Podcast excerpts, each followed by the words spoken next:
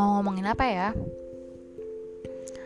Oh iya, ada satu pesan penting yang sampai sekarang kalau diingat itu mungkin akan sangat membantu kita dan akan sangat menjaga perasaan kita. Bahwa sejatinya gak ada yang sejati.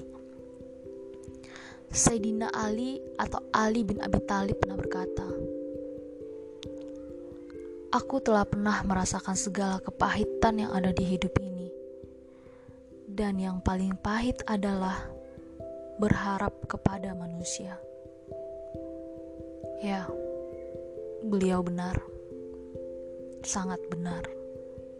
Berharap kepada manusia adalah sumber dari segala kekecewaan. Maka berharaplah hanya kepadanya.